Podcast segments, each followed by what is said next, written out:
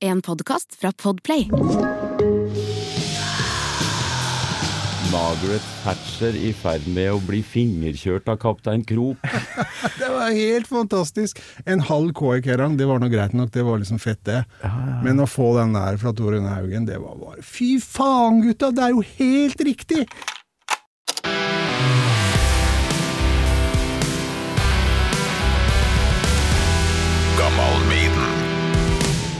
Nesten nervøs når jeg er på vei hit og begynte å tenke på den merittlista di etter hvert, da, for den begynner å bli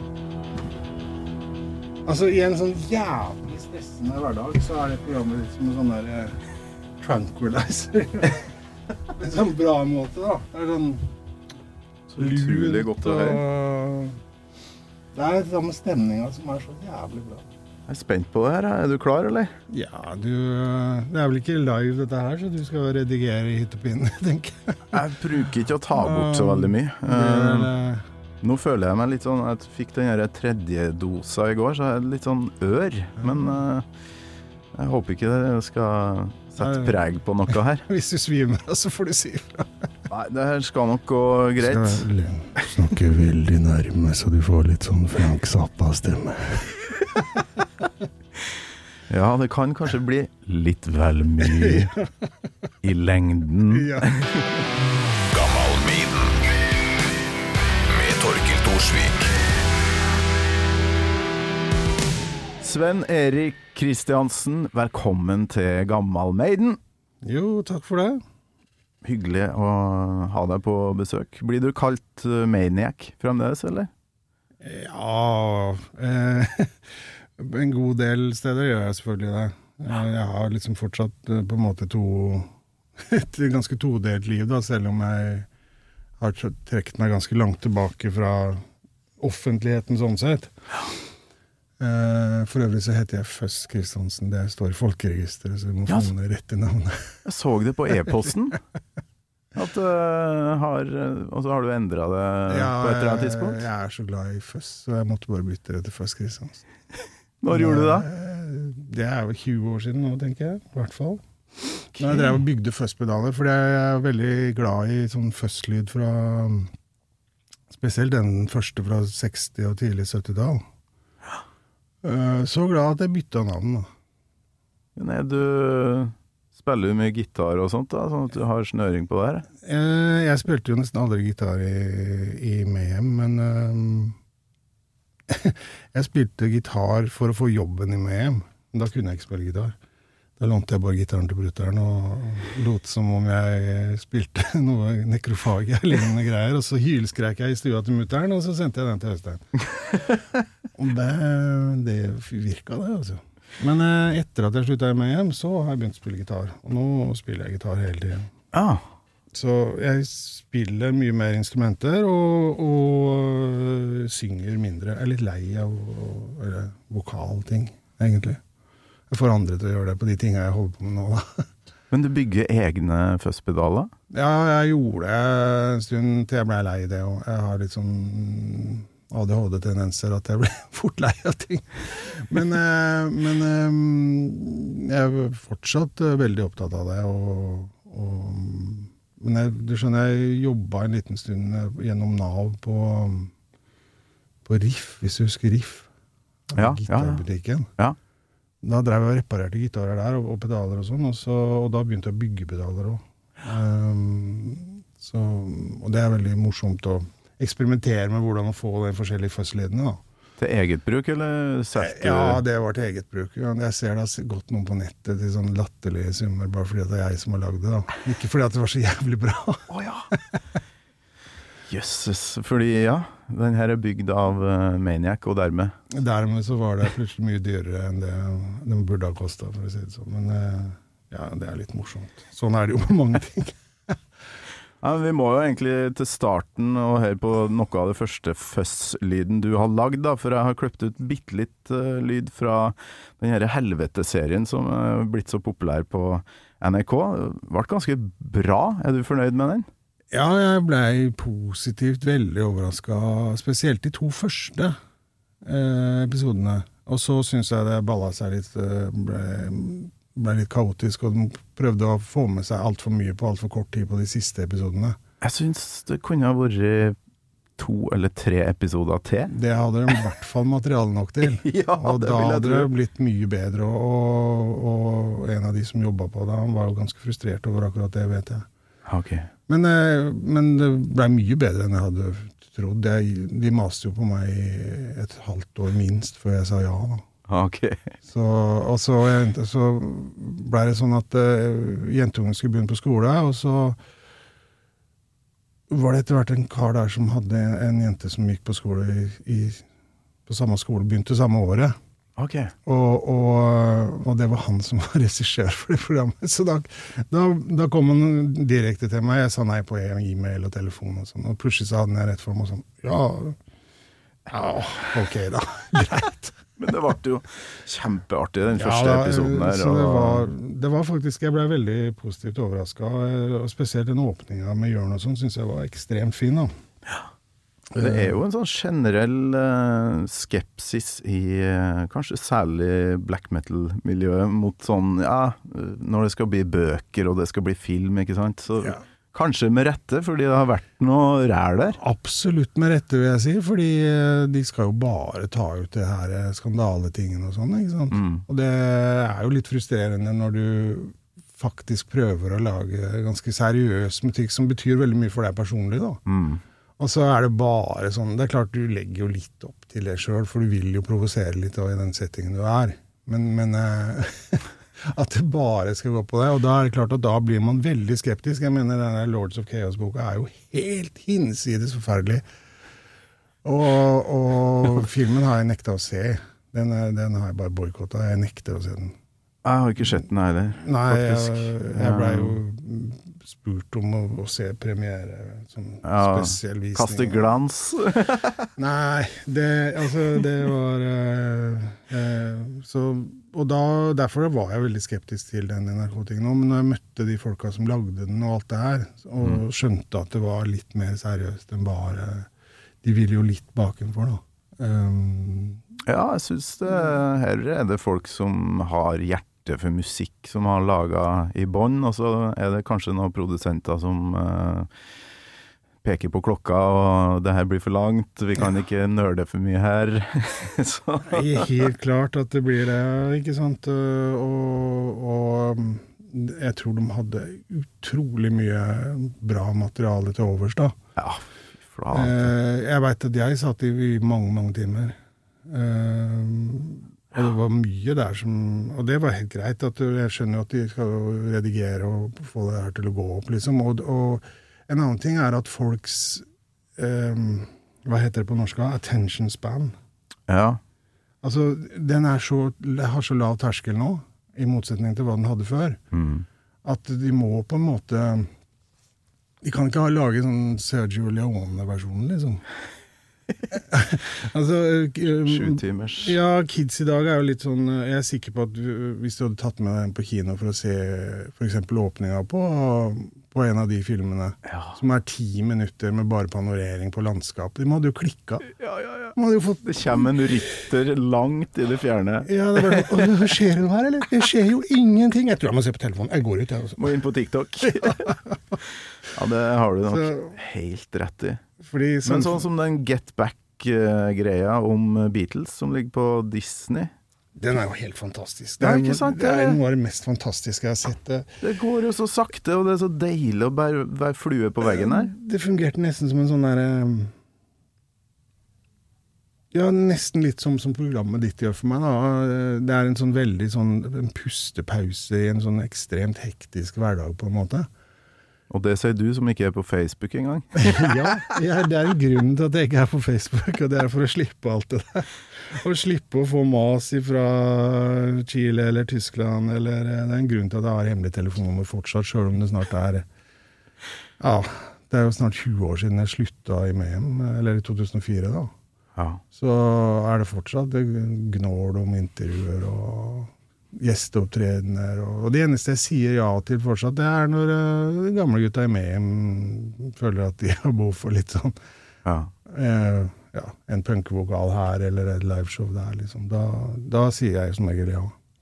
Men uh, ellers så er det ikke så mye sånne um, guest appearances og sånn som jeg gidder å si ja til. da.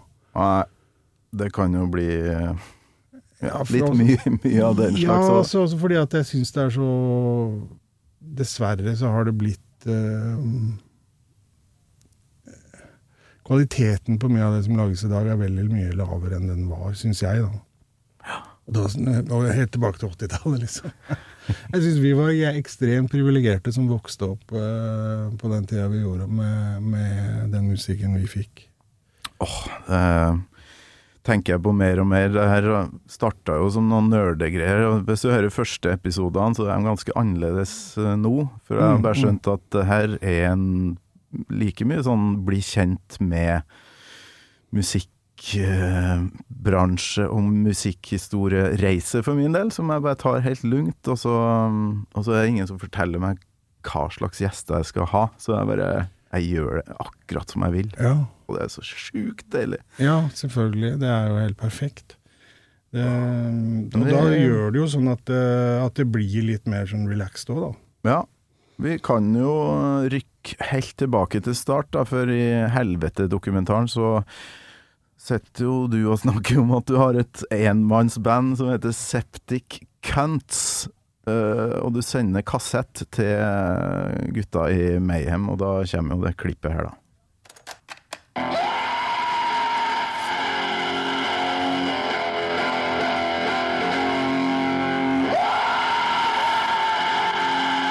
Det er føss.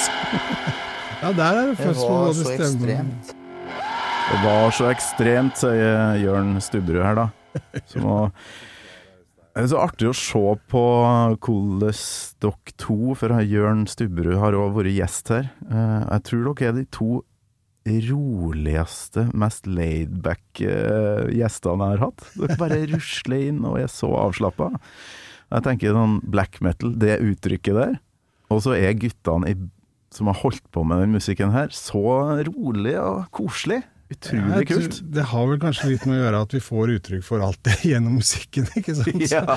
så, så er det veldig laidback sånn generelt. Um, og det her, det var jo Altså, på 80-tallet så um, Hvis du ikke var interessert i sport eller snøscootere når du vokste opp på ei fjellbygd oppe i Telemark, Mm. så, så var det ikke så mye annet å gjøre. Og da hadde jeg heldigvis en far som var veldig glad i store stereoanlegg og vinyl. Og han hørte ikke på country og sånne ting. Han hørte på Black Sabbath og Fleetwood Mac, eh, Status Quo, Nazareth, Uriah Heap, alle sånne ting, da. Bra pappa. Ja, det var det eneste han gjorde bra, faktisk. Bless his memory, ikke Ah, det engang. så det, Ja, det var ikke så veldig han var ikke så god på de andre tingene. Nei, men uh, akkurat der så har jeg veldig mye eh, som uh, jeg er veldig glad for, da. Fordi at jeg kom inn i det her og begynte å lese bøker ganske tidlig. Beklager, nå virrer jeg litt bort fra mikrofonen her. Det går Um, fint. Nei, um, og så Og da Jeg fikk jo egentlig ikke lov til å høre på de her skivene når han ikke hørte på det sjøl, for han var jo helt super uh, Var nesten sånn derre Line opp med et hårstrå over så skulle se at de ikke hadde nappa ut en skive. Det var på det viset der, ja. Ja, men uh, vi, men selvfølgelig vi måtte, Jeg syns jo det her var så fascinerende, spesielt uh, Black Sabbath. Frank Zappa, jeg husker Joe's Garage, liksom bare coveret var sånn Hva er det her for noe?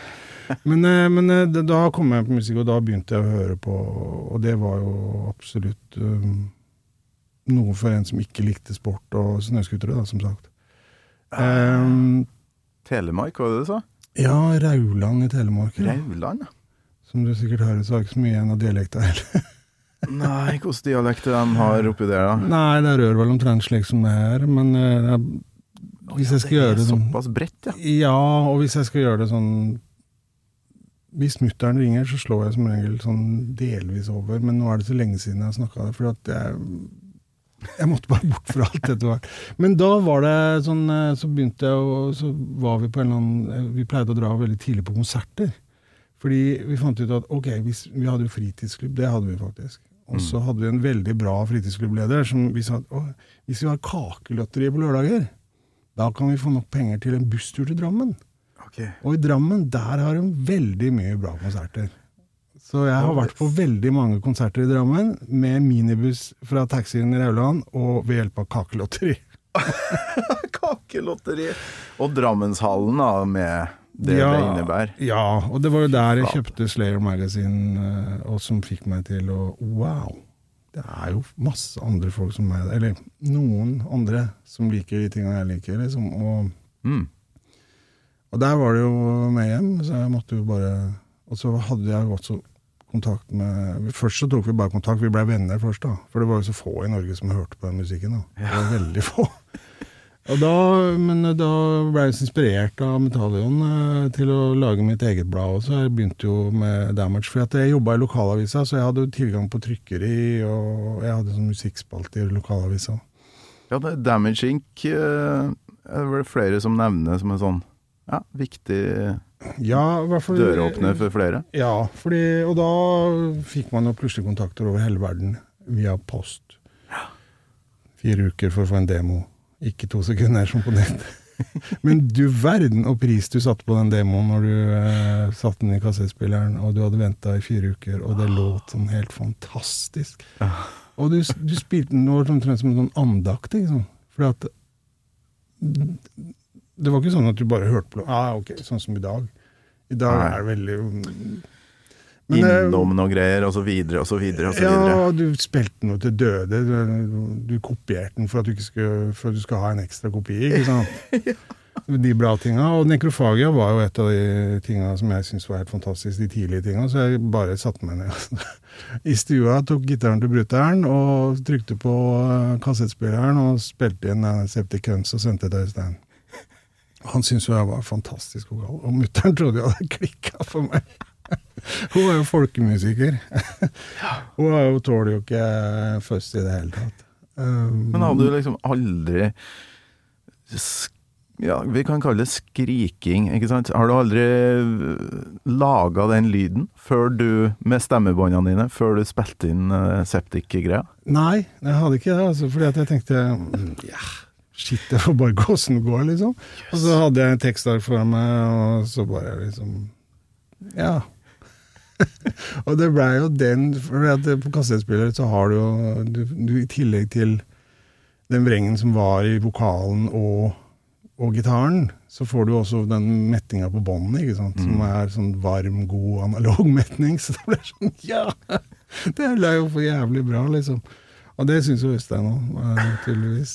Det er så bra at noe du gjorde hjemme på stua i 1980 86. Seks, ja.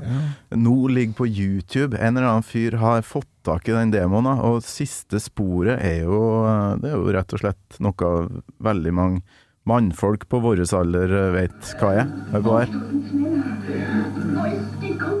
Er det du som har tatt det opp? Du hører den der umiskjennelige lyden av tysk stønning. Altså Ja, den ja, der jeg- Tysk porno er noe helt spesiell lyd på. Det er noe helt spesielt, og spesielt fra den perioden der, hvor da du Altså, man hadde jo gjerne noen slektninger som var eldre, og som hadde, hadde sånn um, Hva heter det, 8 mm film? Ja, Filmframviser. ja, ja. ja. Mm. Og så, så snike seg inn der og smugtitte på det her som tenåring. Og bare liksom, oh. Men så etter hvert så fikk man jo tak i det her på sånn shady VHS, da. ja. Veldig shady. Og det som var så hele greia med det, var at det var så Det var jo Man skjønte jo liksom at det var jo egentlig ikke så veldig eh, seksuelt opphissende. Det var jo egentlig bare jævlig drøyt, fordi at du hadde liksom en dame på 50, da, som musefletter og, og sånn eh, skolestockings. Og så heter det liksom Anal Schoolgirl. Stemmer. Jeg tror jeg faktisk jeg Schoolgirl, sett eh, Jeg gikk jo på rundgang der han her, og ble jo sendt uh, gjennom nabolaget, så det er godt mulig de bevegde seg fra Telemark og opp til Det Nord-Trøndelag. skal du ikke se bort fra. og um, etter hvert som det ble videoutleie, så fikk man jo gjerne leie det som filmer fra sånn under disken. da. Men det var jo helt. Liksom, jeg har prøvd å finne noen av de filmene bare for moro skyld. Jeg har ikke klart å finne akkurat den type, da, men jeg har funnet mye som ligner. da. Og det er jo helt absurd hvor det, at det i det skulle bare ha noe med, med seksuell opphisselse å gjøre. liksom Når jeg ser på noe, jeg bare, det er ekstremt morsomt. Og det er så jævlig stygt, da. For det er som du sier, det er noe med den stemninga, spesielt de tyske tinga. Altså den måten hvor de prater. Jeg husker fortsatt den ene kommentaren. Jeg husker det så ekstremt bra. Og det er liksom 30-40 år siden nå, eller? Og det er liksom Ah, ja, Walter, dein Schwanz ist der achte Wunder der Welt. Hva? Du husker det helt sånn ordrett. Aldeles ordrett, husker jeg. Og det er liksom sånn det har brent seg inn i Fordi det var sånn Du tenker deg du ligger på Du ligger med en dame, da. Og så sier plutselig dama midt i akten Du holder deg på svetter og er, ja, er meget ja, opphisset, da. Og så plutselig så smeller det fra dama. Oi ja, Sven, kuken din er orden, åttende vidunder av verden, liksom. Ja, ja, ja. Hva?! Ja, ja, Ja. ja. Det var um, sannsynlig replikk å få fra et kvinnfolk midt i Ja. Nei, det, det er helt utrolig, de Og det er så mange sånne ting da som er eh, Og det der har du sikkert sittet på fest et par ganger og lira av deg, ikke sant? Ja, ja, ja, ja, Det det er derfor derfor du husker det. Ja, det òg. Det er jo memorert opp gjennom tidene. da, Er du gæren, nå? Pluss at det gjorde jo et ganske sterkt inntrykk òg, da, fordi at det var Alt, Navnet òg, ikke sant? Walter, Helga Ja, veldig ofte helga. Ja, ja. Og det ikke, nå så tror man kanskje at det faktisk er blitt sånn at det er blitt en spøk, liksom. Men, ja, det har du også. Men de brukte jo det. Det er jo Ja. helt faen meg Ilsa i sånn der terrorporno, og så Helga i sånn der ekkelporno. Ilsa, ja. Det er liksom bare Hva? ja.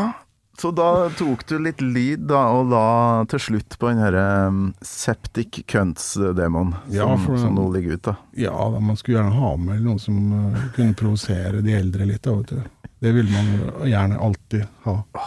Du, Har du hørt episoden med Tor Rune Haugen? Uh, gammel Maiden med han? Det har jeg faktisk ikke, men Nei. jeg husker hans anmeldelse av Death Crush. Ja, han snakker jo om det. Jeg har uh, kløpt ut litt av det han sier. Tør jeg virkelig å levere dette her? Altså, jeg, altså, enten kommer gutta til å ta humoren, eller så blir jeg jagd ut av byen med høygafler. For jeg, altså, jeg skrev om vokalen på ett punkt der. Og da du, blir vel tatt av lufta når dette her blir sitert, sannsynligvis. De, de sa det på TV, faktisk. At jeg, det jeg skrev var altså For det første så klarte jeg ikke å høre om plata skulle spilles på 45 eller 33. Og for det andre så karakteriserte jeg vokalisten at det låt omtrent som Margaret Thatcher i ferd med å bli fingerkjørt av kaptein Krok.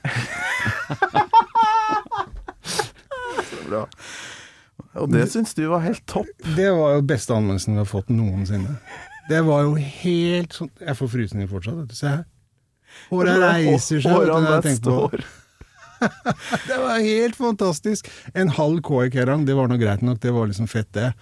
Men å få den der fra Tor Rune Haugen, det var bare Fy faen, gutta! Det er jo helt riktig! Det er akkurat sånn det høres ut! Og det er jo helt Å, fy Åh. Perfekt. Perfekt beskrivelse. Åh, så jævlig det var jo Pluss at jeg også husker at det er det sikkert ikke så veldig mange som har fått med seg, men eh, Hva het Pandoras Jukebox. Det var det første stedet hvor jeg hørte Death Crush Oh, ja. ever på radio. Og at han spilte den i det hele tatt, på et radioprogram som gikk mellom 10 og 12, eller 12 og 2 på lørdager. Når du hadde bare én radiostasjon, eller hva, eller kanskje noen få ja flere, liksom. Helt utrolig, vet du. Det sier mer om Sigbjørn Nødland enn det sier om Han var jo Norge på en måte litt sånn Norges John Peel, da. Ja. Men, eh, men han spilte Om han likte det, det, det er en helt annen side. Men han spilte jo faktisk på radioen, og det hadde jeg aldri Jeg, jeg sto Jeg hadde eh, sånn sommerjobb på um, På en sånn eh, kolonialbutikk i Rauland. Uh, sto og pakka ost på en lørdag, og hørte på, alltid på Pandoras Rockbox når jeg sto der. Og Ja. da kom jeg en jævla låta Faen, det er meg på NRK. Det er du på NRK. Oi! Det er ingen her som veit det. Åh. står Hei, det er meg! står og nyter øyeblikket.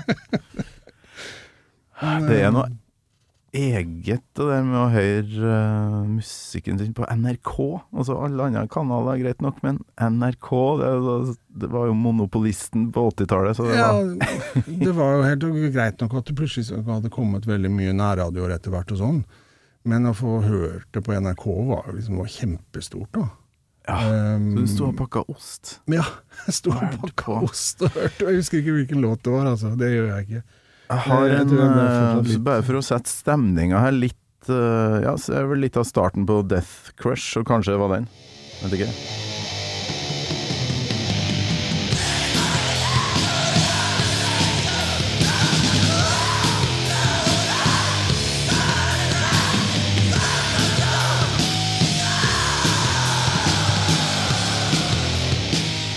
Det var Margaret Thatcher. Ja.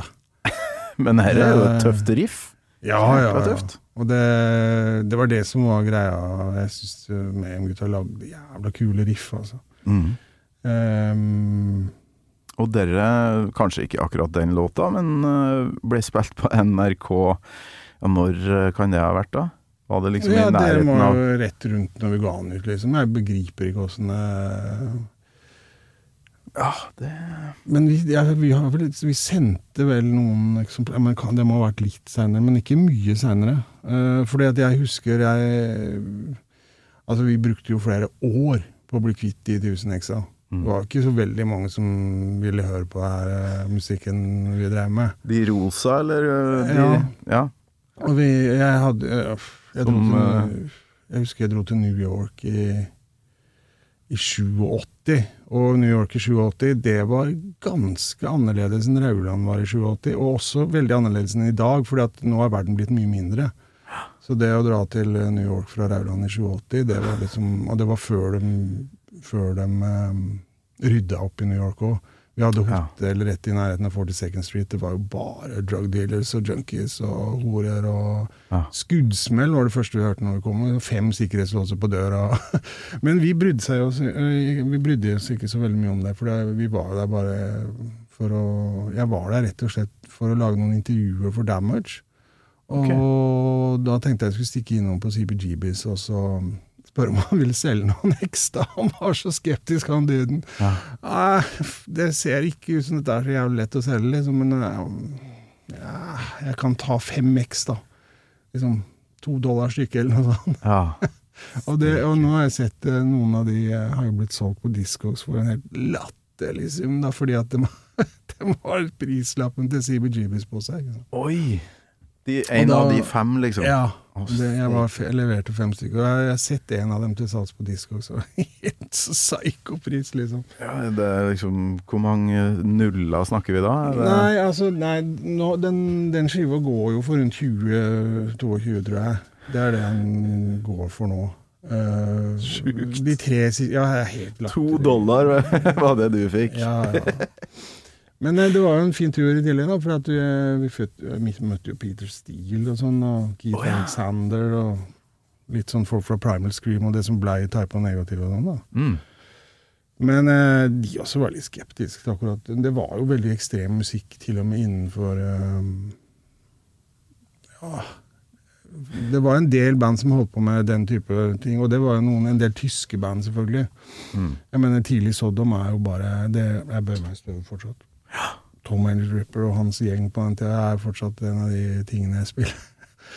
altså, Obsessed by Cruelty er noe av det ondeste jeg har hørt i mitt liv, og den skiva spiller jeg fortsatt da, i hvert fall ukentlig. Ja. Så det var jo en del sånne ekstremband. Og det kom veldig mye ekstremband, og det blei mer og mer ekstremt. Men, men uh, alt det derre voldsomme mediatingene og alt det, det kom jo mye seinere. Så, så det var bare masse tenåringer som lagde helt jævlig ekstrem musikk som de ikke helt klarte å kategorisere. Og, noe, og jeg husker jo godt Carcass og alle de tingene her. Øystein elska jo første Carcass. Fy faen, hør, det er så dårlig lyd! Dette er helt rått! Ikke sant? Faen, det, så, åh, det var så vidt du hørte hva han drev med. Og han ja, øh, Det er helt rått! Elsker ha dårlige sånn- lyden. Ja, han skulle ikke ha sånn polert uh, lyd. Og det var vel en av grunnene til hele den derre seinere Hva heter det, Scott Burns-tingen og alt det her, da. Men øh, fordi han, øh, han, han var jo veldig merkelig sånn sett. Han elska jo Pink Floyd og krautrock og alt de tingene her. Mm. Og så likte han en del norsk hardcore punk og sånn, men øh, metal, da skulle det være så aggressivt og stygt som mulig, liksom. Men Det jeg ikke skjønner her, du vokste opp da med Uriah Heap, Frank Zappa, ja, Black Sabbath kan jo kanskje være noe fuzz eh, og sånt. Eh, men uh, sammenligna med Septic Cunts-demoen her, da, altså fram mot dit, hva skjedde? Vi glemmer jo et veldig viktig mellomledd her, da. Ja, Og det er jo heavy metal. ja. Som eh, skjedde eh, Ja, kan jo hive inn det faste spørsmålet her, kanskje. Uh, om, du, om du husker første gangen du hørte uh, Iron Maiden, da. Som er Jeg har alltid blitt kjempefascinert av folk som sier de husker den første skiva de kjøpte, og første gang de hørte den låta. Sånn. Ja. Jeg, jeg klarer ikke å punktsette det sånn. Aha. Jo, det var eh, kvart på tre. Ja. 26. januar 1980. Nei, de som var i Drammenshallen er ganske sånn eh, Det var første gangen, for da hadde de kanskje ikke hørt noe Maiden før, da. Sånn Drammenshallen 1980, ikke sant, den Kiss-greia. Ja, det skjønner jeg på en måte. Da Ja. er det såpass spesielt, liksom. Men Ja. jeg husker veldig godt den, den tida jeg hørte det første gangen. Ja. Jeg husker ikke dagen eller måneden eller noe sånt. Jeg blir litt fascinert. Den Mojo òg, de har sånn der, de liksom fast spalte hvor de spør hva er den første skiva du kjøpte. Ingen anelse. Ja, du husker ikke det? Nei, det kan være Det kan være Heaven and Hell. Det kan være Ace of Spades. Det kan være First Maiden-skiva. Det kan være um, Muligens i Kiss, men det var jeg ikke så veldig glad i. Av en eller annen grunn. Ah, De var litt sånn soft. Bubblegum. ja. Uh, men jeg husker fordi at vi hadde jo ikke så veldig godt utvalg heller oppe i Rauland. Men, uh, men uh, av Black Sabbath så ble jo jeg veldig interessert i, i heavy metal. Og Black Sabbath ga jo ut en av, for meg, viktigste og, og beste heavy metal-skiver noensinne, i Heaven and Hell. Med Mm. Dio på vokal. Det er fortsatt en av de beste skivene jeg veit om i hele verden. Jeg får tårer i øyekroken når jeg tenker på skiva.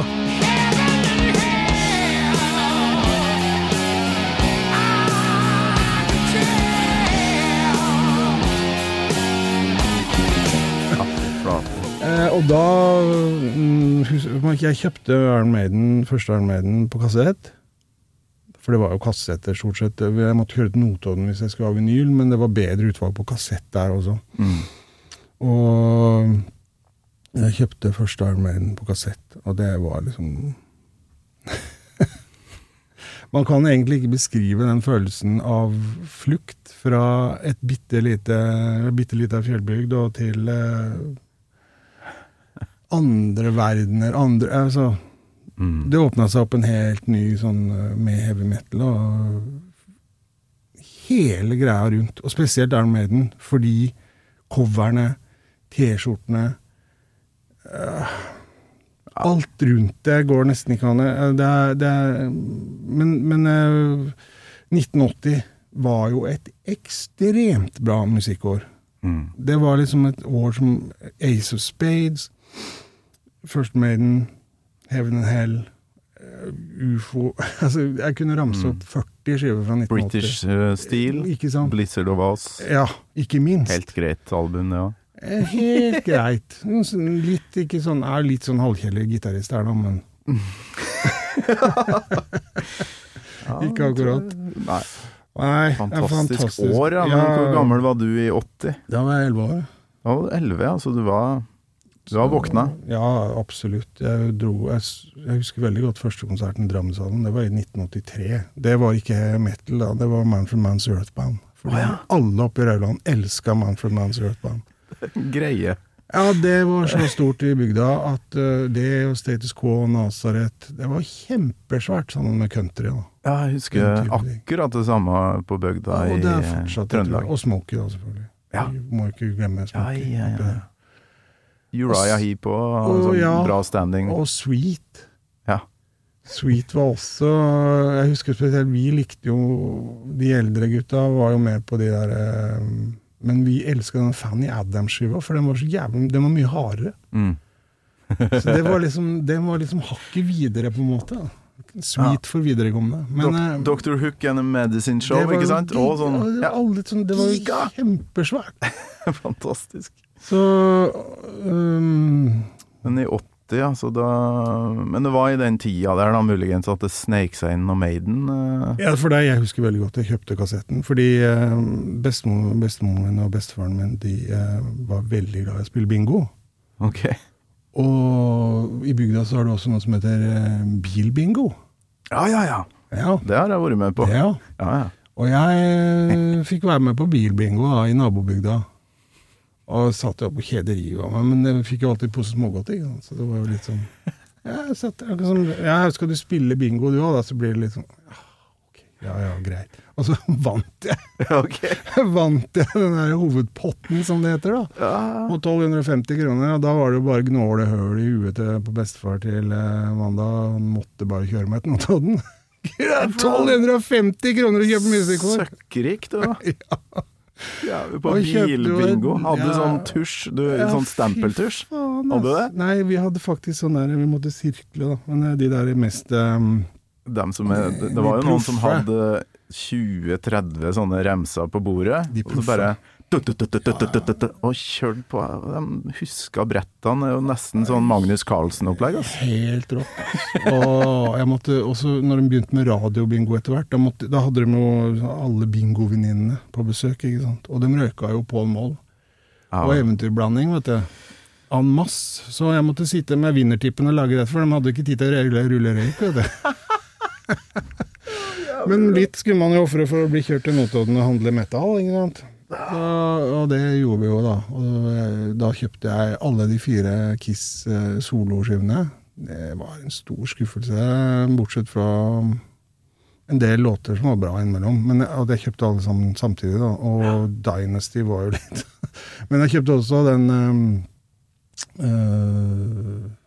Fy faen, nå står det helt stille for meg.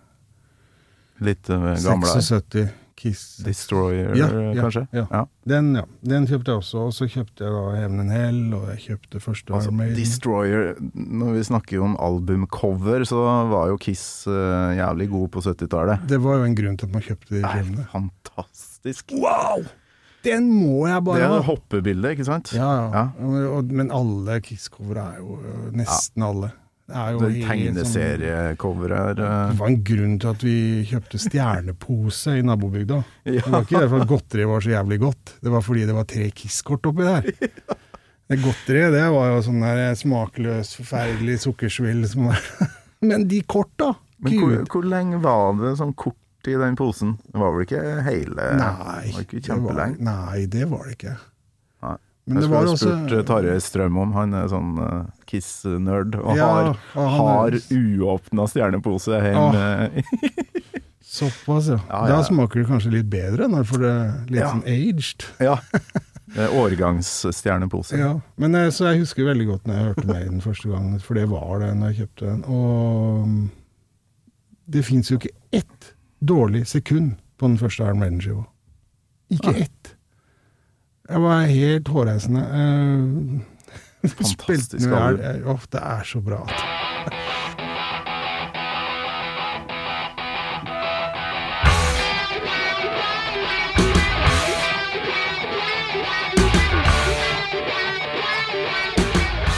Favorittskiva mi er Killers.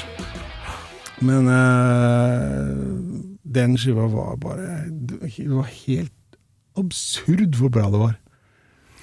Det knuste nesten alt annet. Ja, det eneste som, som var nesten like bra, er Heaven and Hell.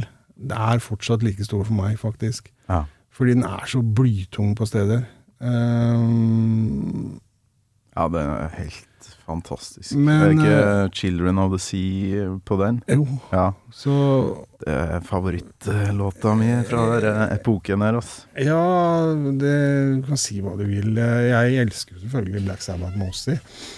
Det er Ah, ja. ikke ingen tvil om det. Det, er jo, og det, det var da de lagde de beste skivene sine, egentlig. Men akkurat Heaven and Hell var veldig viktig for meg, fordi det var en inngangsport. øh, Jeg hadde jo hørt en god del av Black Sabbath-skivene, da. Ja, ja. Men den var så mye mer sånn heavy metal-aktig, da. Mm. Ja. Ehm, og da liksom Da begynte jeg å kjøpe alt det som kom med den der New Wave of British Heavy Metal. Det var ikke alt som var like bra, men, og det var ingenting som klarte å slå Maiden for meg. Ja.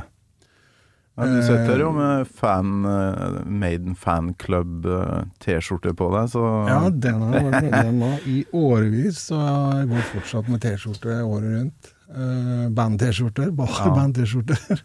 det er klart. Um, Det er tøft den der, da. Når var det du meldte deg inn der? Ja, det er mange år siden. Men den er ganske ny, for det var fjoråret. De lager nye hvert år. Ah. Ok. Så Men jeg måtte spørre dattera mi det, altså, det har gått litt i arv, på en måte. fordi at eh, Hun er ikke så nerd som meg når det gjelder uh, Iron Maiden. Men uh, når hun var to år Hun er født i 2013. Da kom jo Maiden sin eh, Book of Souls ut. Ja. Ikke min favorittskive. Altfor lang. og ja. Men eh, jeg måtte jo se på den videoen. Mm. Og da kom hun krabbende bortover, eller gående. og Det var jo fryktelig interessant. Oh. Ja. Ja, det var jo eh, det var Helt stille, vet du. Og bare nistirra på den videoen. Og etter det så har hun elska Iron Maiden. Ah. Og hun, hun er jo sånn eh, Hun liker jo musikk som eh, folk på hennes alder liker. Men det som jeg syns er så bra for henne, er at hun har fått Jeg har veldig bra musikksmor sjøl. Jeg spiller all mulig musikk hjemme. Og da kan du velge. ikke sant? Du har, da, da har du hørt så mye. ja. Jeg skulle ønske jeg hadde hatt det valget sjøl. At jeg kunne fått, eh, liksom, fått det smørgåsbordet. Hva er det du liker? Du kan ta det du vil. Det, så Jeg det klarte jo ikke å, å ta noe valg, for man hadde jo Jeg hadde jo ikke tilgang på veldig mye, men eh, det der med at jeg skulle høre mest på rock, det lå ikke skrevet i kortene eh, før ja, langt inn i tenåra. Det var Nei. mye jazz og, Ja. og mye popmusikk. eh, eh, og Ja, litt Ja, softere ting. Ja. ja, jazz det har ikke vært sånn Som jeg nevnte, så mora mi er jo sånn, driver med folkemusikk, da. Og det, jeg klarer jo ikke Til en dag i dag så klarer ikke jeg norsk folkemusikk. Eller folkemusikk generelt. Men, eh, men det var jo jeg, altså, jeg vokste opp med musikk sånn sett, eh, og så Og fatter'n hørte, hørte ikke altså Jeg har en onkel og broren til fatter'n, og han, han hørte på sånne jævla sære tyske ting. Sånn krautrock, eh, ordentlig sære ting. Ja. Så eh, det er vel liksom en av grunnene til at jeg har litt sånn veldig brei musikksmak, og det er jeg veldig glad for. Ja, ja, ja. At jeg ikke, men, men for meg så er jo musikk eh, så essensielt i livet. Det blir ikke sånn, det er, Musikk for meg er aldri bakgrunnsgreie. da. Nei, nei, nei. Det er så viktig at uh, Hjernen er påkobla når det Ja, altså min favorittfilosof er jo Nietzsche, selv om det kanskje høres litt sånn uh, eh, selvfølgelig ut, da, men, eh, men eh, Nei, ja, ja. Fascinerende. Jeg, ja, jeg, altså jeg har lest veldig mye, men, men han, sa, han sa en veldig bra ting. Han sa at uten musikk så hadde livet vært et mistak. En feil. Mm. Og det er jeg helt enig i. Og Zappa han sa også at eh, 'music is the best'. Ja. Og bedre enn det kan jeg ikke få sagt. Så viktig er musikk for meg, da. Jeg spiller timevis av musikk hver dag. Jeg elsker å Musikk, lage musikk. det er det beste, som en Jakob Krogvold eh, sa i en episode her. Det, Ja. Musikk, ass. Det er det beste. Ja, det er jo faktisk et sitat fra Ja, det- Zappa. Det er jo tydeligvis det. Ja, Eh, Dattera di er vel nå 20, eller 19? Nei, nei, ja, jeg har en datter på, på over 20, ja. Men hun, hun er ikke så veldig lei meg. Hun liker jazz og sånn. Men Ja. dette her er yngstedattera mi. Hun er åtte år gammel. hun. Hun er åtte nå, ja. Ja. Og fremdeles litt sånn Maiden-interesse. Ikke litt. Nei, det, det er liksom Det kom nye Maiden-skiver og det var stort, altså. Vi måtte gå på by, altså, Og vi skulle gå og hente skiva på boksen, ikke sant. Selvfølgelig boksen. Senjutsu-boksen, ja. Ja. Eh, og det var liksom Det var stort, altså. Pakke opp den hjemme. Hun fikk lov til å pakke den opp, da, selvfølgelig. Og så er jo eh, moren hennes er jo japansk, så det var jo veldig sånn morsomt at det var sånn japansk eh, stuk over det. Samurai uh. Ja, og det fulgte jo med origami. Så måtte vi kjøpe to bokser, da, for vi måtte jo bruke en origami, og så måtte vi ha en som ikke har brukt. Ikke? Ja, Så vi måtte selvfølgelig ha to. ja visst, ja. Så- Smart triks for å få folk til å kjøpe mer m- mer stæsj. Ja, altså jeg har jo alle de der boksene med de små figurene. De måtte jeg jo kjøpe fordi at hun syntes de var så kule. Og jeg syns de er kjempekule sjøl. Jeg husker en gang vi kjøpte sånn eh, Motorhead, som også er det aller viktigste bandet for meg. Eh, vi kjøpte Bomber byggesett. Ja. Og så fikk jeg tak i et ekstrahet som jeg ga til han eh, som driver med brukt på, på um, Big Deeper. For jeg vet at han liker litt sånn nerdeting. ja. Og da var jentungen med, og så sier han eh, Du vet, den skal jeg ikke pakke opp, den skal rett på hylla. Sånn. Og hun bare så på. Hæ? Hvorfor det? Hva faen, hva er poenget da, liksom? Si det til en åtteåring. ja. Nei, det var bare så morsomt. eh, Hva slags byggesett er det? Det er sånn fly? Modellfly, ja. Det er det, ja? Fra et av de her eh, best kjente Airfix. Ok. Ja.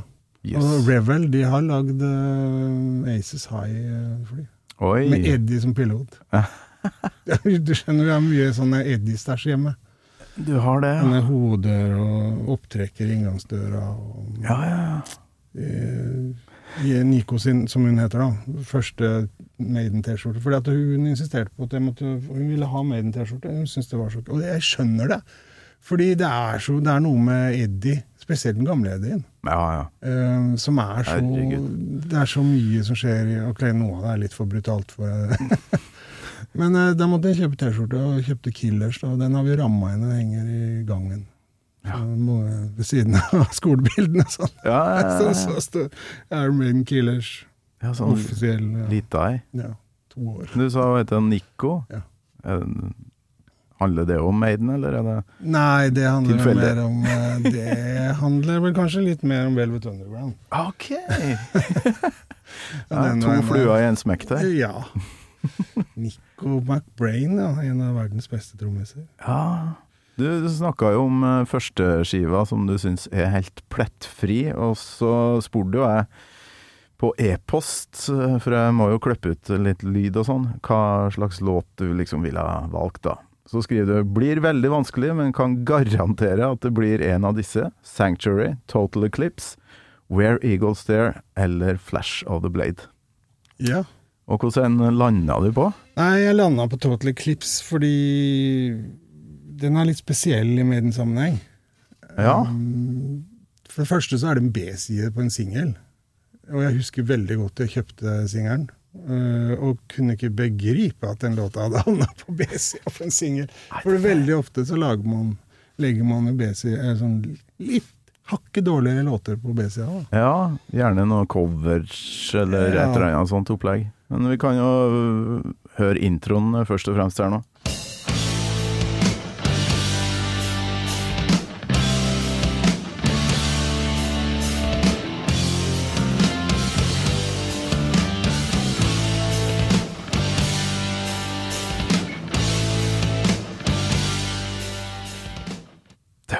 Episk. Ja, så er det så ekstremt Iron Maiden, da.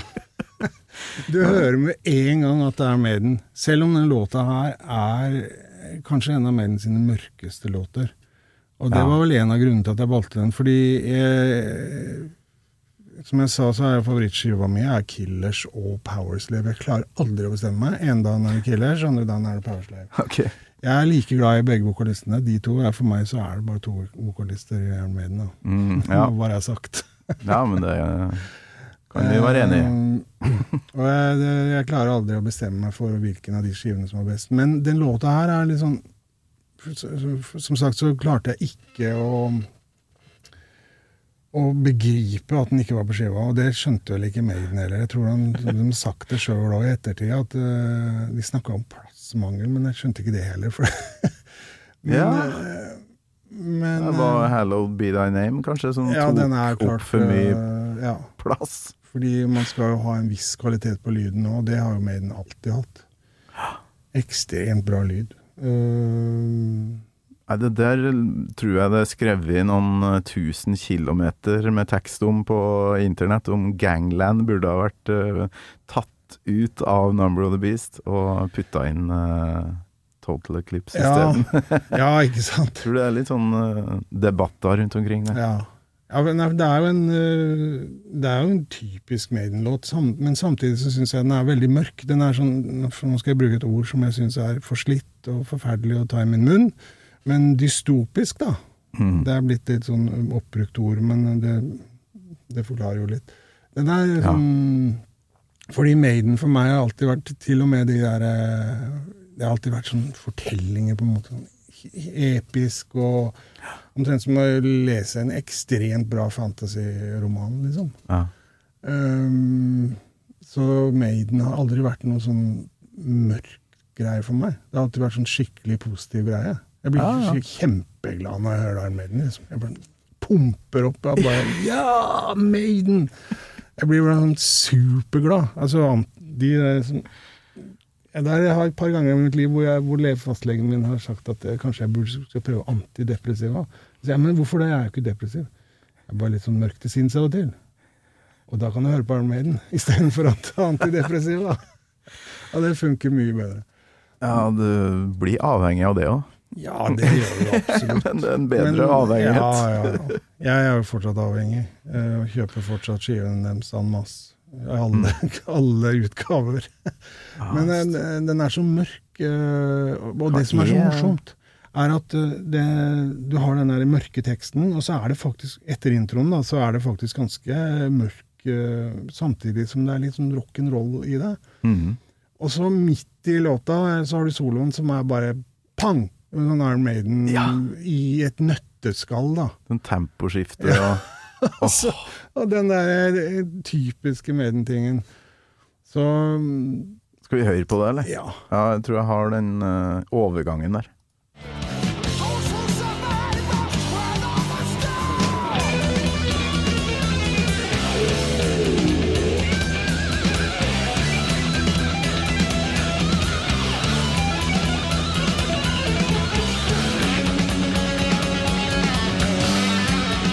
Det er så Maiden at det er latterlig. Vet du. Det er liksom Du har tatt og skvisa alt Maiden ut av Steve Harris, og så putta i et sånn reagensrør. Ja, ja. Men det er så rart, for det, det som kommer etter det her, er et slags refreng som aldri har blitt sunget før. Nei, det er veldig merkelig. Det er en oppbygning som uh... Det er en sånn rar og veldig kul låt, øh, som som sagt er veldig Maiden, men samtidig ikke er veldig Maiden. Da. Uh, Ja. du vil Vi kan ta kronologisk her uh, inngangen til første vers, som nesten er litt sånn Two Minutes to Midnight, Ja, rocka-aktig. rocka. Kan vi høre på det?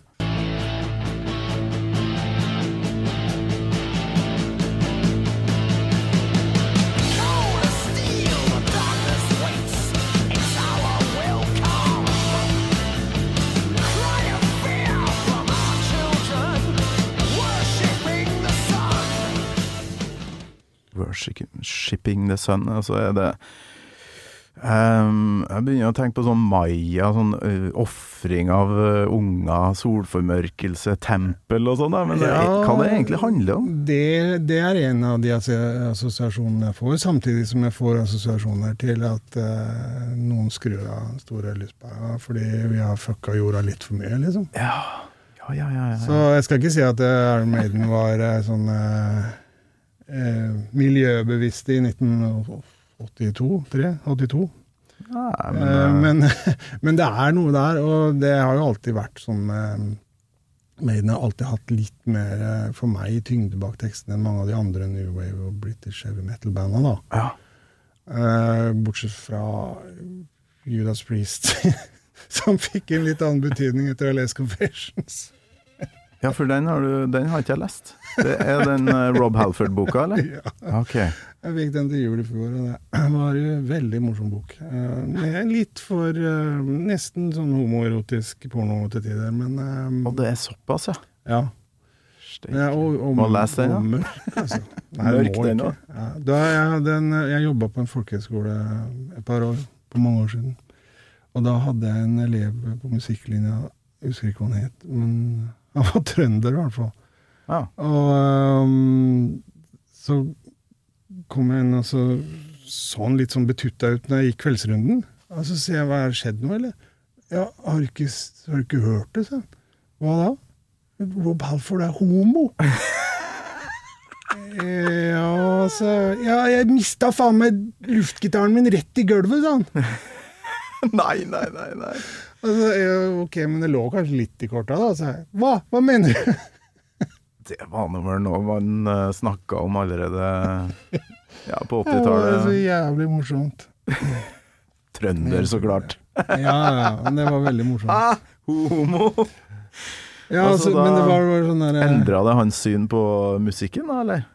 Nei, det liksom? tror jeg ikke. Nei, Jeg tror det gikk nei, fort er over. Jeg tror det gikk veldig fort over. Jeg tror det var uh, Det var bare sånn eh, ja, Så var det ikke noe sånn at han var sånn der homohater eller noe sånt heller, skjønner du. Nei, nei, nei. nei. Det var bare et sånn fysisk sjokk for systemet hans. Jøsses.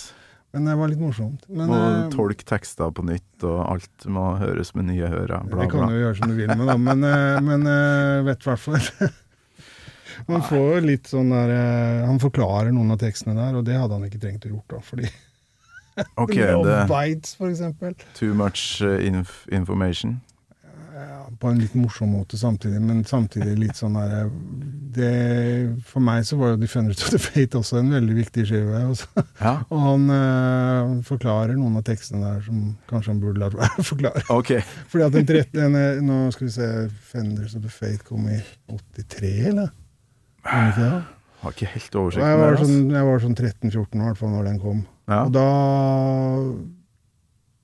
øh, var liksom ikke de tinga De tekstene betydde ikke det han, han sa i ettertid, da.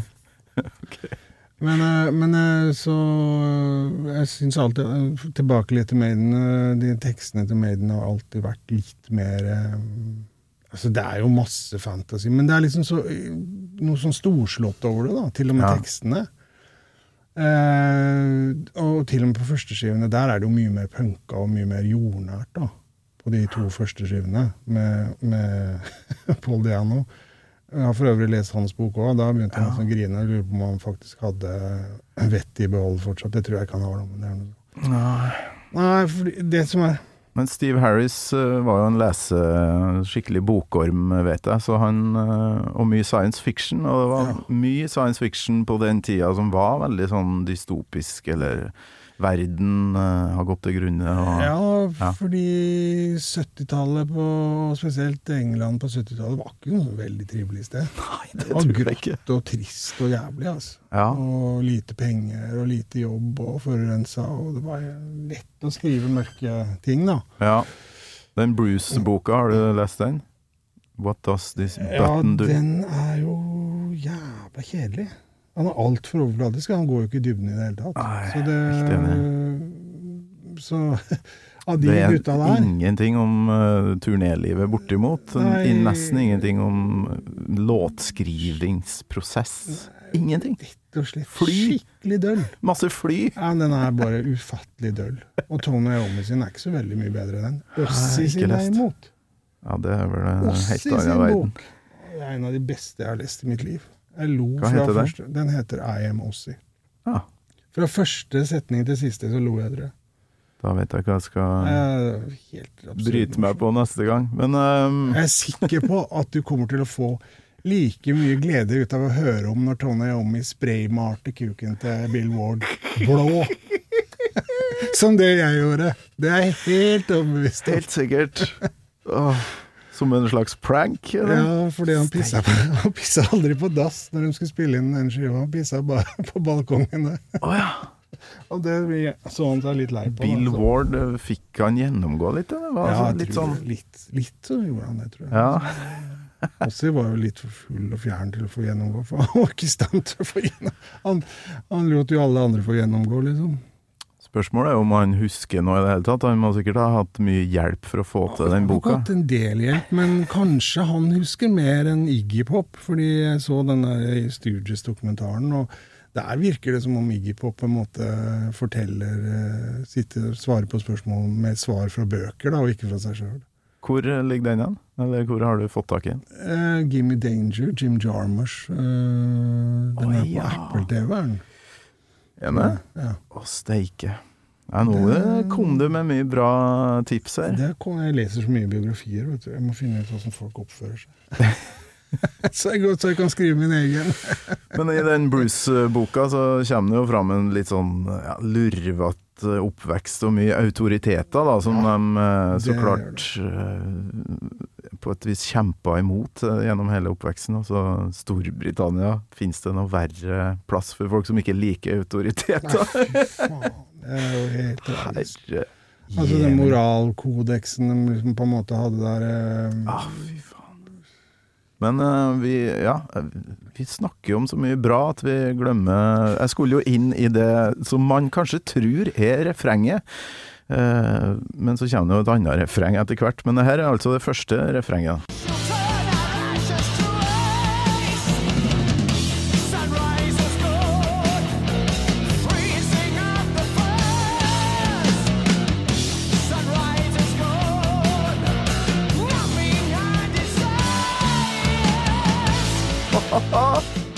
Det er, flyter bare av gårde. Det er sånn litt Sabbath-feeling på den her. det er akkurat det. Det er Ja. litt sånn der eh, Sabbath-feeling på akkurat den delen her. Det Ja. var det jeg tenkte på sjøl på trikken på vei hit, faktisk. Ja, Fordi jeg prøvde å finne Jeg skulle høre gjennom låta en, en ekstra gang mens jeg var på trikken hit, da. Uh, og i hvert fall på iTunes så ligger det jo bare en liveversjon fra Den er jo ikke på streaming engang. Nei. Det er jo helt på trynet. Det er helt utrolig. Men de har Det er mye litt, sånne eh, B-sider som ikke ligger ut. Nei, Iron Maiden har vært litt sånn sære når det gjelder eh, Og så har de jo tatt bort eh, og gitt forandra låter på B-sida. Den her, for eksempel. Den er Har de gjort den- noe med den? Nei, når den, kom, når den ble jo reutgitt eh, Når var det, da? Jeg husker ikke. Men når den ble reutgitt, så hadde de jo fjerna den låta her. Og så lagt på en liveversjon av en helt annen låt. Nei det, så den er litt sånn, sånn kjip å finne. Ja. Altså I dag så er det ikke noe vanskelig å finne den fordi du kan trykke to ganger på internett, men, men litt sånn litt mer motstand. YouTube er jo ofte plassen Ja. der folk legger ut. Men uh, lyden der er jo så ymse. Ja, veldig. Og um, Så det er litt den Det er rart at den låta har på en måte etter hvert blitt litt sånn forbigått da, i, ja. i Maiden-kanonen. Spesiell øh, oppbygning, da, for det er sånn vers, øh, slags refreng, vers, refreng, og så de her to episke soloene, og så kommer jo det herre nydelige Det jeg kanskje vil kalle et refreng.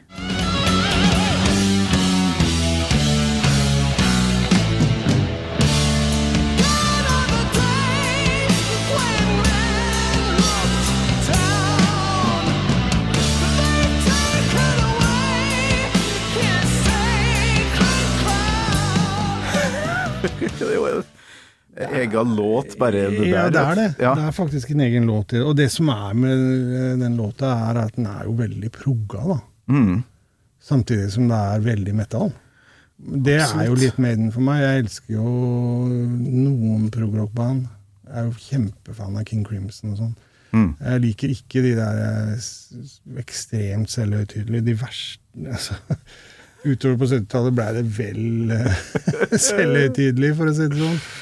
Av gudskjelov at punken kom, men, eh, men det er jo veldig prog-aktig. Ja, jeg veit jo at Steve Harris elsker uh, Jethro Tull, så You're listening to a podcast. I'm Bruce Dickinson. You're not. And you're listening to Gamal Maiden. Men det har jo i min verden, eller i mine øyne, bare gjort Maiden mye sterkere, da. Fordi den Ja. skiller seg ut fra mange av de andre.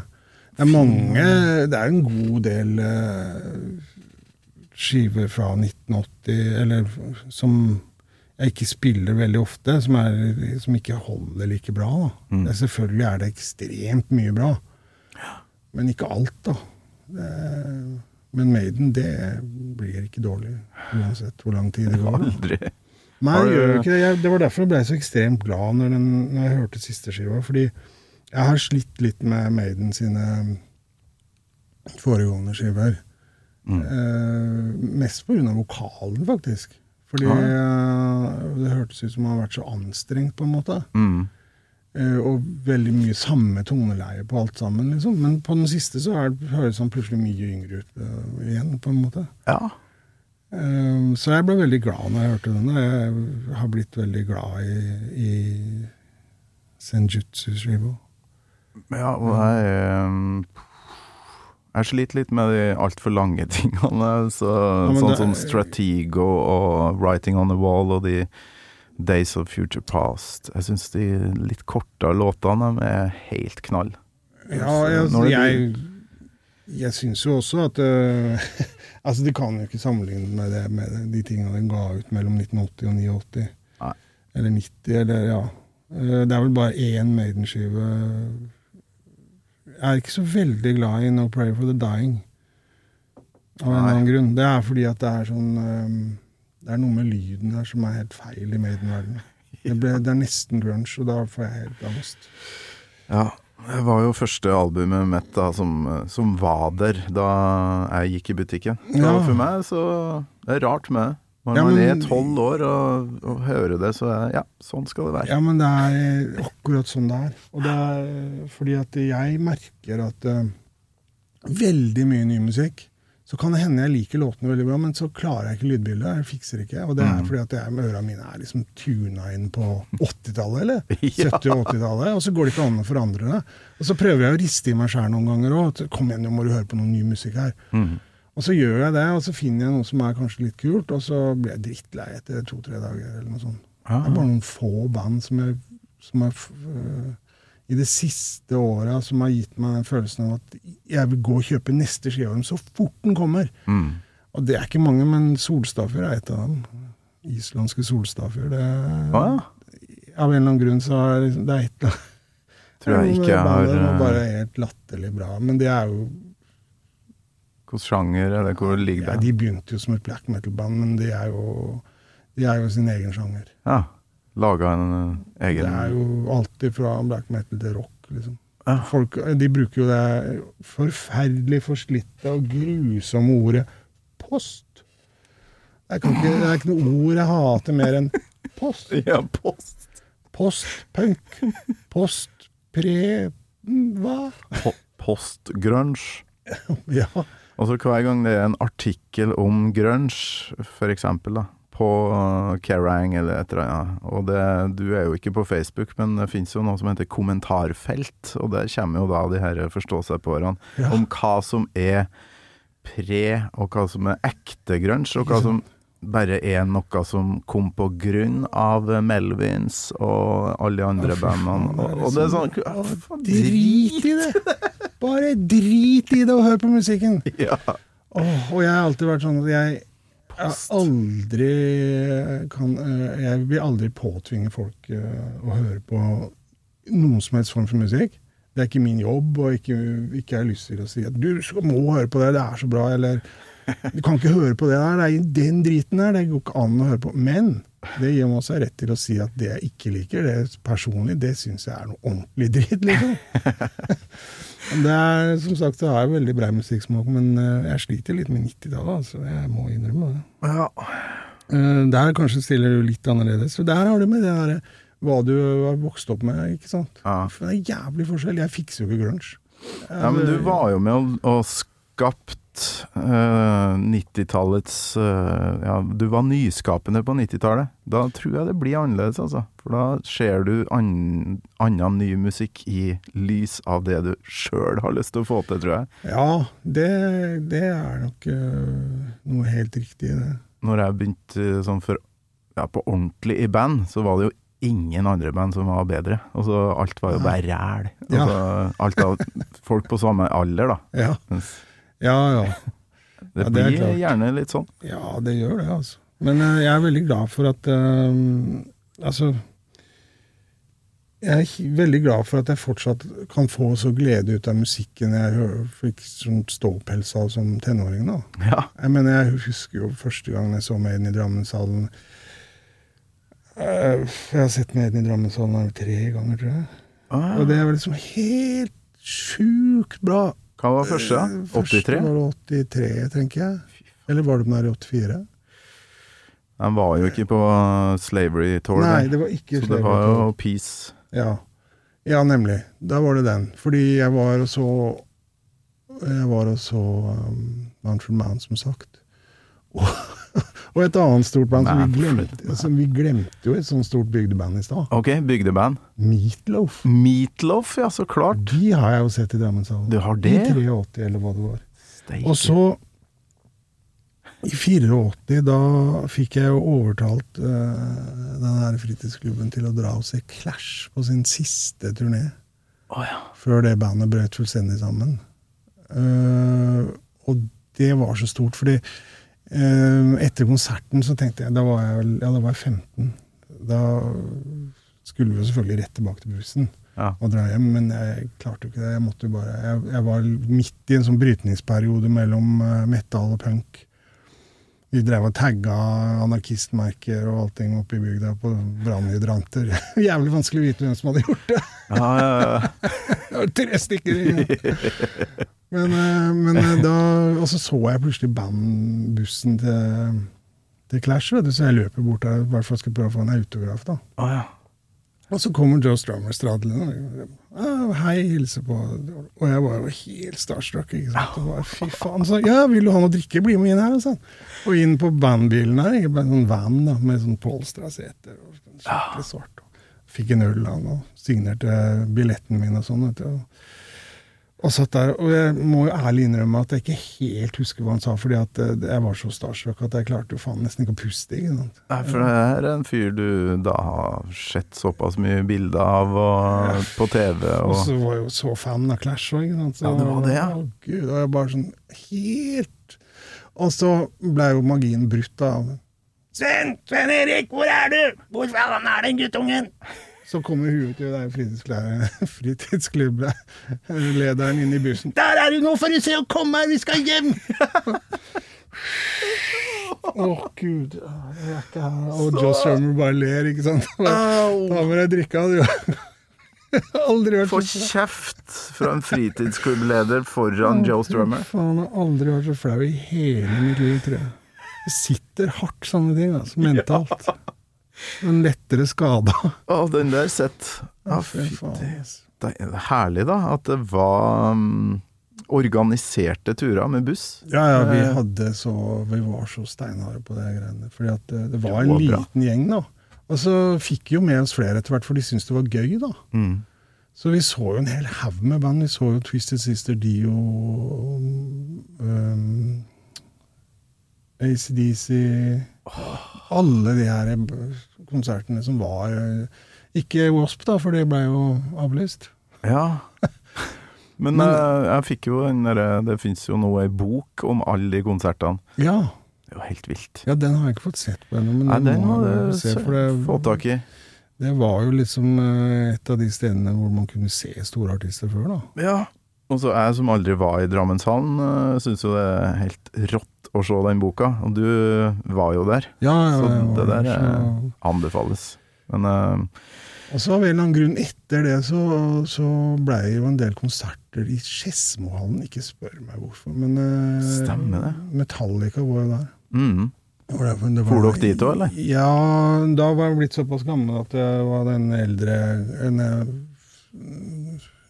venn som jobbet i Han, han jobbet fast i lokalavisa.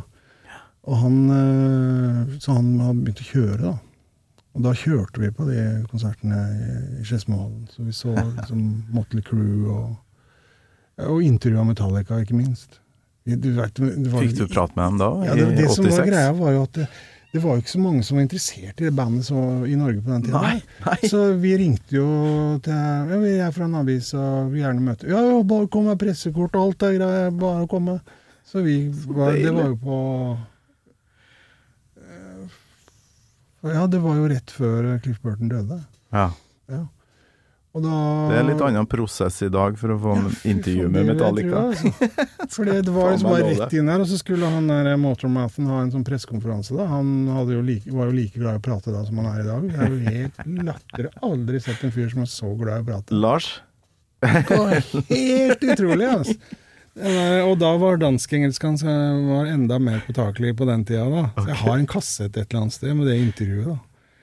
Og det var jævlig morsomt. Men vi fikk jo da et sånn eget intervju med Kirk Hammett. Ja. Og han var jo en helt annen type. Han var jo så rolig og kul og snill. Ja, han virker utrolig laidback. Sånn horrorfilmfan. Veldig laidback, vet du. Og vi bare prata om alt mulig, og det var sånn Og vi dro på Det var så lett å få sånn presseakkreditering på den tida, da, når det gjaldt- Ja. gjaldt særlig metal-band. Mm. Så vi kommer fra den lille, bitte lille avisa og dro på alt som var av konserter. Ah, Vi skrev om alt som var eh, av store konserter i den der avisa.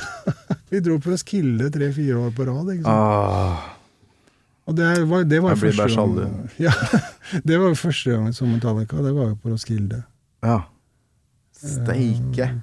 Og det var jo Var det på Ride the Lightning? eh? Ja, det var ikke det. Nei, Master ja, Det var 86. ja. 86, ja. Fordi Og så var de jo tilbake igjen i Skedsmohallen og på Justice for All, var de ikke det? Altså Etter hvert så ble det jo bare konserter i byen. Da var det jo alt. Ja, Spektrum dukka jo opp etter hvert. Spektrum, og så var det jo Rockefeller og Sentrum med de litt mindre. Ja, ja, ja. En av de konsertene som Altså, det er noen konserter som liksom du aldri glemmer, og det er jo de Maiden-konsertene glemmer jeg jo aldri. Det Fordi Maiden Jeg tror det er fordi at Maiden har vært med på å øke min interesse for musikk. Fordi Steve Harris hadde så mange influenser sjøl, da. ja, ja. Eh, samtidig som når de, de første skivene med punken og det, så han, han var jo veldig punka, Paul Diano.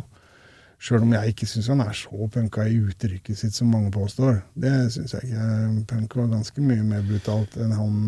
Det var mye utseende. Hår Ja. og skinnjakke her. Og jeg kan jo sikkert være enig med Steve Harris i at i hvert fall han ikke fikk noe inspirasjon fra punken. Eh, Han tror Ja, ja. Men eh, at de tok en del av energien derfra, det er ikke noe tvil om, liksom. Mm. Så sånn sett så har de jo vært kjempeviktige for at jeg har fortsatt med musikk, og begynte med musikk sjøl, og fortsatt elsker musikk, da. Ah, Kanskje, kanskje det aller viktigste bandet. Det er, er liksom Jeg har noen helt essensielle artister, og det er Motorhead, og så er det Iron Maiden og Black Sabbath ah. innenfor metal. Og så er det liksom. Trekløver, det. ja, og så er det liksom Zappa og Captain Beefheart og de mer outrerte Mm. tinga fra 70-tallet og 60-tallet, da. Som man oppdaga litt seinere, liksom. Eller også Zappa, selvfølgelig, for det spilte jo fatter'n. Og det som var så ekstremt morsomt vi, hvis, Nå går det jo fram og tilbake praten her, men det som var, var så morsomt, eh, som vi snakka om her tidligere, var jo at eh, NRK hadde jo monopol Ja. på det meste, ikke sant. Det var liksom Det var jo ingen som Det var noen få ulovlige nærradioer. Og øh, så husker jeg han amerikanske bekjenten min øh, Så sier han til meg du, Hva er det som er feil? Sier han. Hva mener du feil? Med, med bygda, mener du? tenkte jeg. Nei, jeg er egentlig med hele Norge, sånn sett, sier han. Mm. Ja, hva tenker du på? Nei, dra til helvete med Beranek. Den er jo bannlyst på radioen. Ja, ja, Får du ikke lov å spille. Og det er en antidoplåt. ja. Men han sier helvete, ikke sant. Mm. Den er folk. Men Bobby Brown av Zappa, ja. den ligger på topp av listen og blir spilt hele tida. Og det er den, den brutale jævla teksten. Ja. Han kunne ikke begripe Hvorfor vil folk klinedanse etter den låta, sånn? For han skjønte jo hver eneste lille nyanse av den sangen. sangen ja, jeg tror ikke vi nordmenn hører den teksten. Nei jeg- Jeg jo blei jo litt sånn der kødder du, liksom? Men eh, han kunne ikke begripe at, eh, at NRK faktisk bannlyste Dra til helvete. Dra til helvete. Ja, dra til helvete. Det var helt sånn totalt absurd. Hvor mange ganger så du, eller har du sett Maiden live da, tror du? Nei, ja Ble det liksom de 80-talls Nei, det ble det ikke, fordi at jeg så dem igjen eh, 90-tallet. ja, Var du på Sentrum Scene og sånn? Ja, dessverre. Du var det, ja? Men uh, det var jo Ja, altså, det var så trist, fordi, fordi alle band som jeg elska på 80-tallet, De hadde kjempeproblemer på 90-tallet. Ja, ja, ja. Og veldig mange av dem prøvde jo å forandre uttrykket sitt, til og med, og bli litt mer sånn grønsja i stilen, eller Og det var helt krampaktig feil for meg, da. Eh, all ære til de som holdt på med den musikken, sånn som Maudon og Nirvana og alt det her, men når de der store gutta skulle begynne å Skulle mener, prøve å eller- tilpasse? Ja. Ossi tilpasse seg litt sånn eh, halvindustrielt uttrykk, eller ja, Ja, ja. Eller Motley Crew. Når de lagde den derre industrielle skiva si. Hjelp! Ja, Helt jævlig. vet du, sånn 90-tallet var egentlig et sånn veldig trist tiår for de store gutta. Eh, og Maiden gikk jo fra å spille for eh, 100 000 mennesker til å spille på Rockefeller, liksom. Eller sentrum. Ja, Det var med blaze, blazeren. Ja. Men Total Eclipse, da, har du hørt den eh, live noen gang? Nei, dessverre. Det er vel ganske få som har.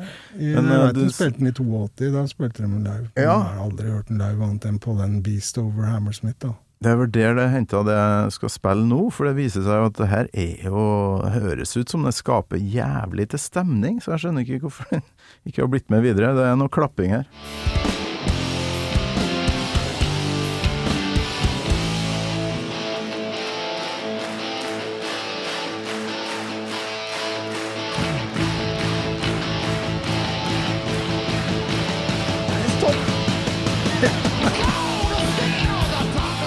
Ja, det bygger seg opp så bra. vet du. What's not to like?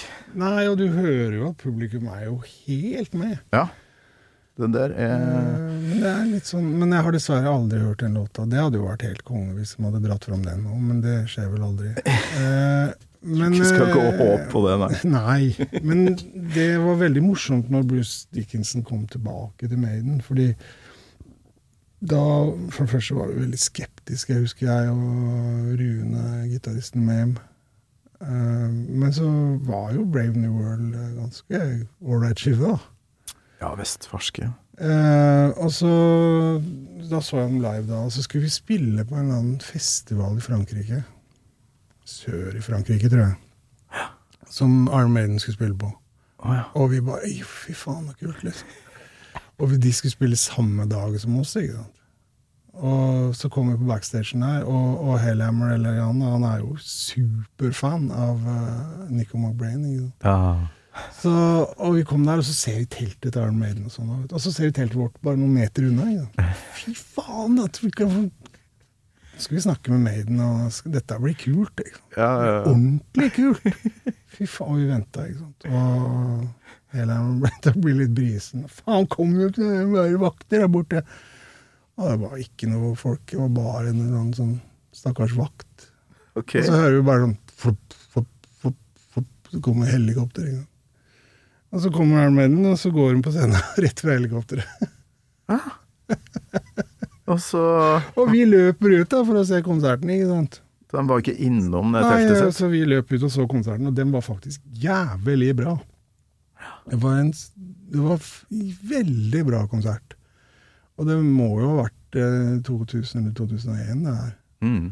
Eh, og så løp vi tilbake etterpå. Ikke sant? Og, og da sto helikopteret klart for å hente dem, eller? Så det var Det var den jævla nedturen. ikke noe trefning der? Det var ingen inni det jævla teltet til Iron Maiden. Det var en eller annen sånn der, eh, noen sånn lyd- og lysfolk og sånn, selvfølgelig. Men det Ja, var ja. ikke en jævel fra Maiden. Det var jo den nedturen, vet du. Vi hadde jo gleda oss som unger. Vi skulle treffe de store heltene. I hvert fall for noen av oss, da. Det var ikke alle i Mayhem som var like store Maiden-fans. Nei, nei. nei Jørn uh, snakka om at han ikke var Nei, han har vel aldri vært noe særlig Maiden. gigafan, men han, jeg lurer på om det er kanskje en annen festival han snakka om at han eh, i hvert fall så uh, Yannick Gears, da han Ja. nygitaristen uh, rusla rundt på backstage, men resten av bandet kom bluff rett inn på scenen. Men uh, kan, kan jo være en annen Det kan hende at, uh, at jeg husker feil òg, fordi at, at at Janik Gears var det, det er mulig. Fordi Jeg tror han er litt mer glad i den der atmosfæren du får på en festival festival han er jo sånn backstage. pubdude, da. Ja, han liker å sitte på puben. Han gjør det. Han er sånn, og jeg husker jeg var jævla skeptisk til han som er sånn Nei, faen, da. Er det der for en jævla noldus, liksom? Oh. Fordi jeg alltid syns at gitaristen i Maiden aldri har fått nok cred, da. Mm. Er, de blir jo aldri løfta fram som sånn superbra gitarister, liksom. Nei, Det er jo helt på trynet, for de har jo så jævlig bra. det er jo Eddie Van Halen eh, og Slash og Kirk. Ja, og så alle de her shredderne, da, liksom. Ja. Og jeg mener jo at det, På coveret av sånn guitar magazines så er det jo alltid de folk er- kan. Ja, det er helt klart. Og da så har du alle de her eh, som jeg syns er dritkjedelige. Satriani og Satriani. gjengen Som er bare Steve Vai han var jo kjempebra når han spilte med Zappa, og så ble han bare en tragedie når han begynte å lage Ja, metal. det er sånn. temmelig intetsigende, syns Jeg blir så jævla selvindulgent, som det heter. Altså, Ja. Det blir sånn mm. Og da, jeg syns at de gitaristene hele tida har fått uh, veldig lite kred for både lyden til Maiden, og ikke minst soloene. Jeg elsker jo gitarsolen til Maiden. Det er, Ja, så bra at det, er, det er jo helt latterlig bra. Ja, det er rart at den... Er det noen du får lyst til å spille luftgitar av, så er det i hvert fall eh, Maiden. Det, og twin-gitara til Judas Priest, liksom. Så lenge de ikke er homo, så er det greit for meg. Nei da. Jeg ser på klokka. Jeg skal om veldig få minutter snakke til det norske folk på Radio Rock. Så, og oh, ja, vi har holdt på ganske lenge, men uh, vi må uh, rett og slett høre slutten på Det er ikke noe stress, altså, men Nei. vi hører bare slutten på Total Eclipse nå, for det nærmer seg slutt på episoden, øh, tror jeg.